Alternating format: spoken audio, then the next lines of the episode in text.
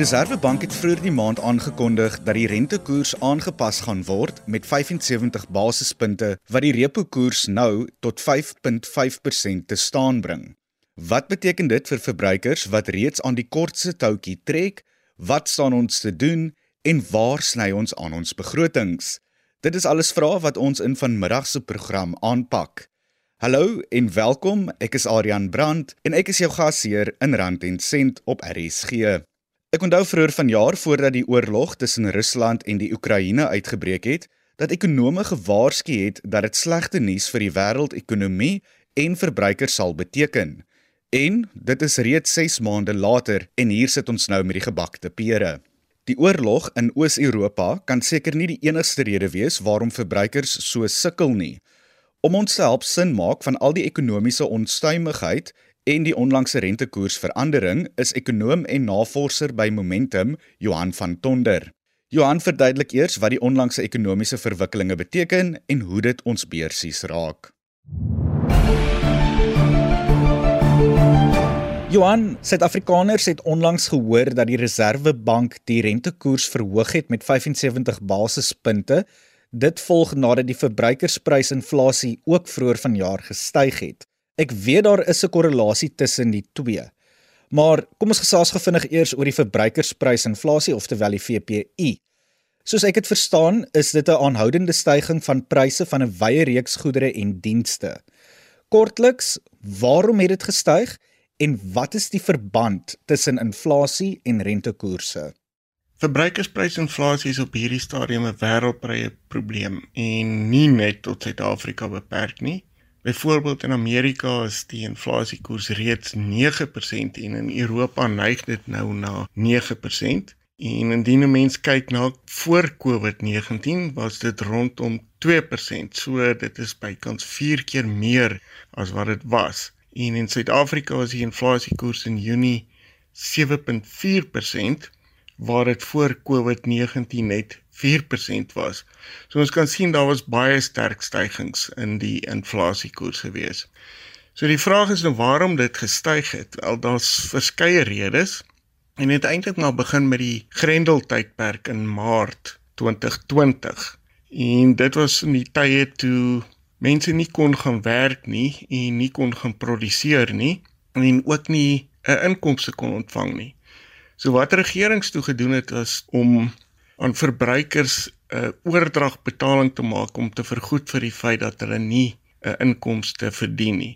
En terselfdertyd het sentrale banke wêreldwyd die rentekoerse dramaties verlaag sodat verbruikers minder kon betaal aan hulle skuld. So verbruikers het geld gehad, maar op dieselfde tyd was die produksie van sekere goedere en dienste gestaak En dit het veroorsaak dat daar 'n wanbalans tussen vraag en aanbod is. Met ander woorde, daar was 'n vraag na die produkte, maar daar was net nie genoeg produksie gewees nie. So wat sedertdien gebeur het, is dat daar oorlog uitgebreek het tussen Rusland en Oekraïne, wat dan natuurlik die produksie van byvoorbeeld graan en olie verder ingekort het en so die wanbalans tussen vraag en aanbod verder vergroot het. En wanneer die vraag die aanbod oorskry, is daar gewoonlik opwaartse druk op pryse.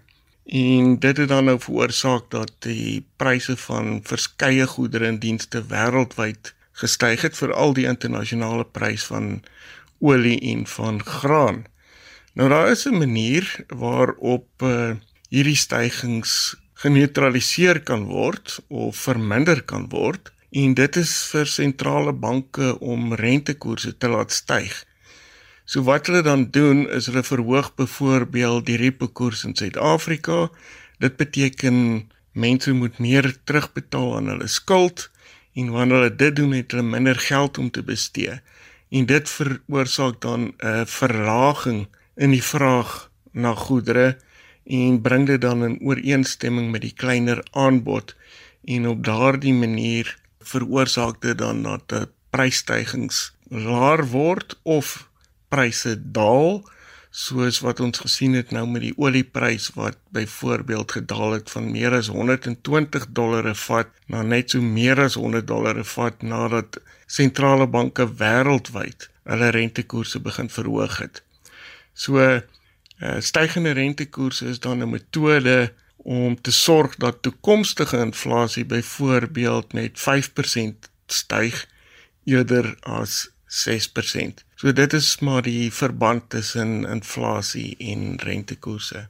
Johan, dit maak sin wat jy sê veral oor die oorlog tussen Rusland en die Oekraïne. Nou, soos ek genoem het, het die Reserwebank die rentekoers met 75 basispunte verhoog. Meeste ekonome het 'n verhoging verwag, maar egter nie so 'n skerp verhoging nie. Kortliks en in 'n netedop, waarom het die rentekoers so skerp gestyg? Om die vraag te antwoord, is dit nodig om net so 'n bietjie konteks te skep. Byvoorbeeld in Januarie 2020 voor die aanvang van COVID-19 was Suid-Afrika se inflasiekoers 4% en die repo koers 6.25% en dit is daarna oor 'n periode van 5 maande met so wat 275 basispunte verlaag na 3.5%.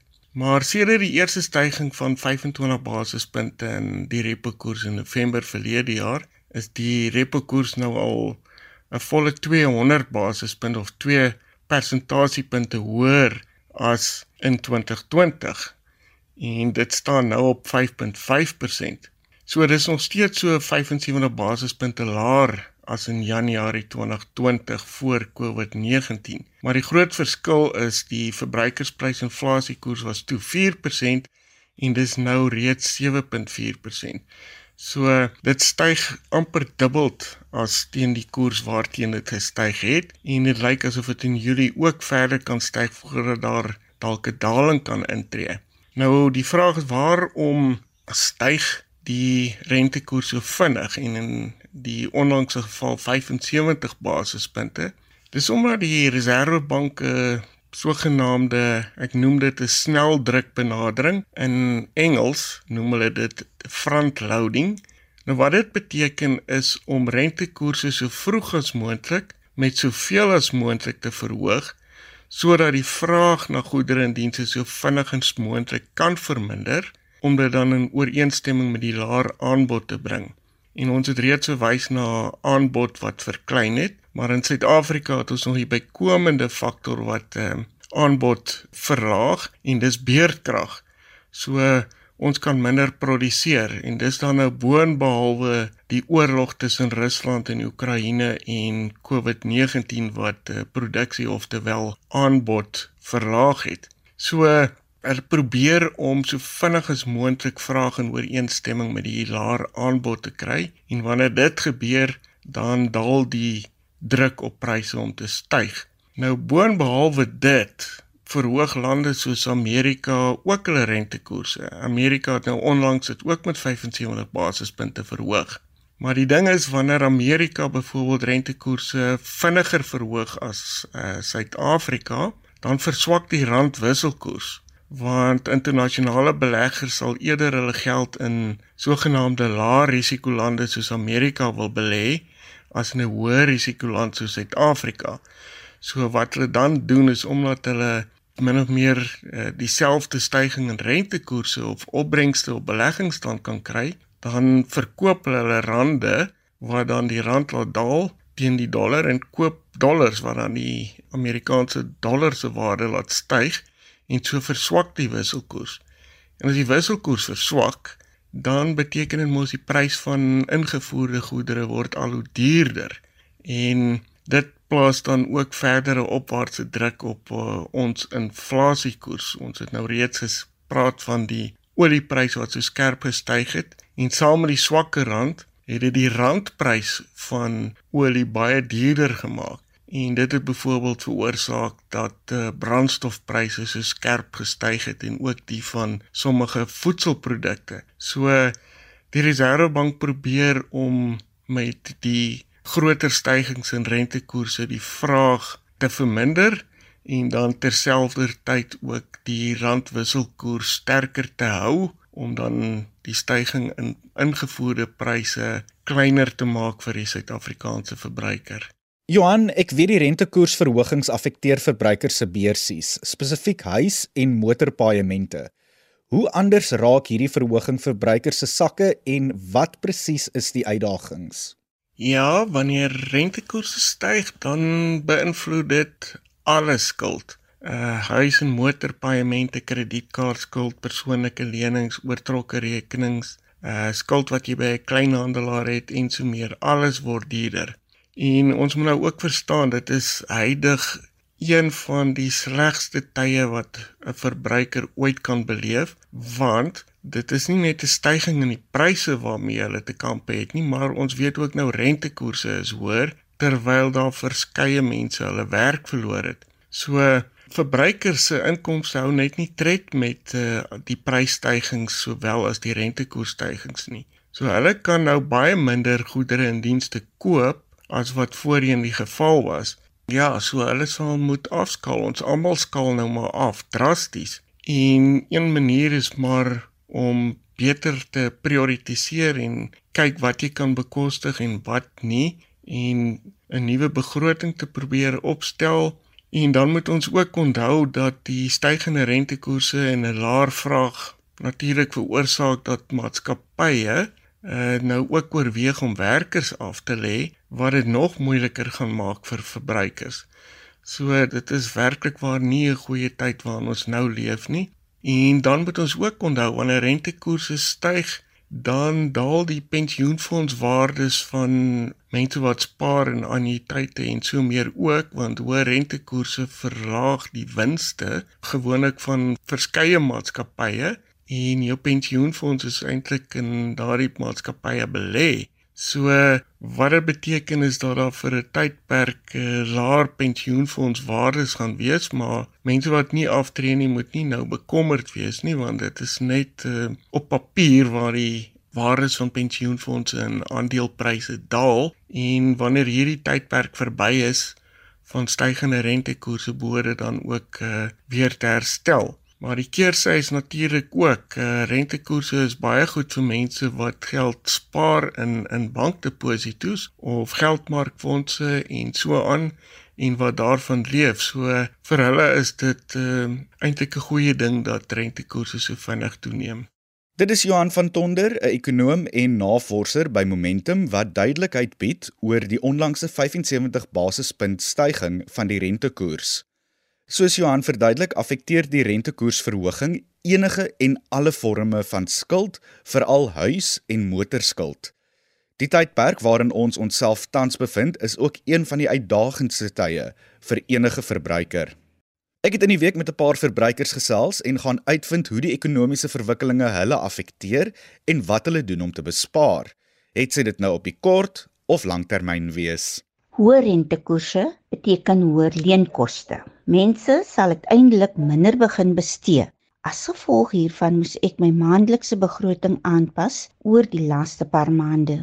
Ek moes my uitgawes binne my begroting sny op brandstofgebruik, voedselaankope, klerasie en bederf. Hierdie ekonomiese veranderinge in die land noop my om twee keer te dink wanneer ek wil bestee.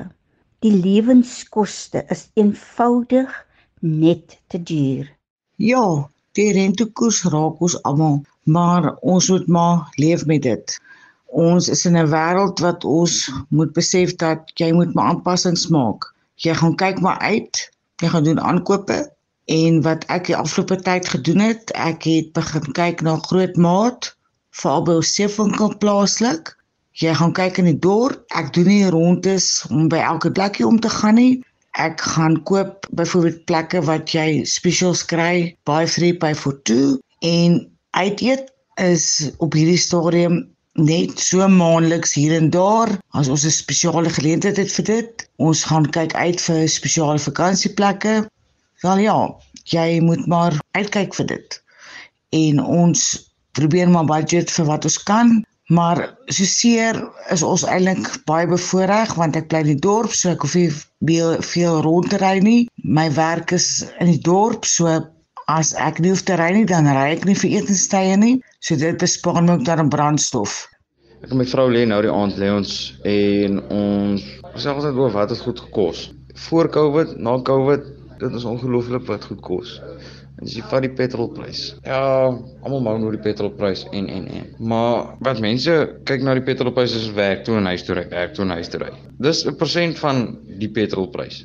Dit is die rede hoekom goed duurder word. Dit goed moet vervoer word. Erns moet iets van 'n plaas af gery word na 'n uh, manufacturer toe en van 'n manufacturer af moet dit gaan na 'n distributor en 'n distributor gaan na 'n winkel toe en jy as mens kom na die winkel toe. So daar's 'n klomp handjies tussen en wat ook nou nog te kere gaan. En elke keer as die petrolprys opgaan, dan gaan daai produk op, want dit moet tog erns kom. Maar aan die ander kant, hoe swaar is dit wat ons kry, groei ons liefde net meer. Liefde is beter as wat dit was toe ons baie gehad het. Nie dat ons, okay, jy ons is arm nie, Uh ons is ook nie meer wel af nie, maar ons kan 'n broodjie maak en ons kan saam sit en lag daaroor. Ek het my werk verloor so 12 maande terug weens 'n sake redding oefening in maatskappy vir wie ek gewerk het en ehm um, ek het 'n skeiingspakket gekry. Ek het die skeiingspakket aangewend om al my skuld motorskuld en daai tipe dinge af te los. En sodoende het klomp fondse losgekom wat dan maak dat ek so 'n hele paar duisend rand ekstra in 'n maand, sê dit Desember op my huis kon betaal. My huis op die stadium is tamelik ver vooruit en dan ook betaal ek so R15000 'n maand meer op my huis. So die laaste paar rentekoersverhogings kon ek geabsorbeer het. Op die stadium is ek nog taamlik vooruit en um, my paaiement wat ek betaal op my debietorders is nog steeds ver bo die bedrag wat ek moet betaal. So in daai opsig is ek eintlik baie veilig. Daar aan 'n paar verbruikers wat gesels het oor hoe hulle hul begrotings en spesifiek uitgawes aangepas het om te kan bybly met die huidige ekonomiese verwikkelinge, veral nadat die rentekoers onlangs gestyg het. Ek was voor die breek ook besig om met Johan van Tonder, 'n ekonom en navorser by Momentum te gesels. Johan het genoem dat die rentekoersstygings enige vorm van skuld affekteer en nie in 'n goeie manier nie. Ek is egter seker daarvan dat daar maniere is om die impak te verminder op veral huis- en motorpaaiemente. Johan vertel nou vir ons meer daarvan, deel 'n bietjie raad en advies en maak ook 'n vooruitskatting oor hoe die res van 2022 moontlik kan lyk.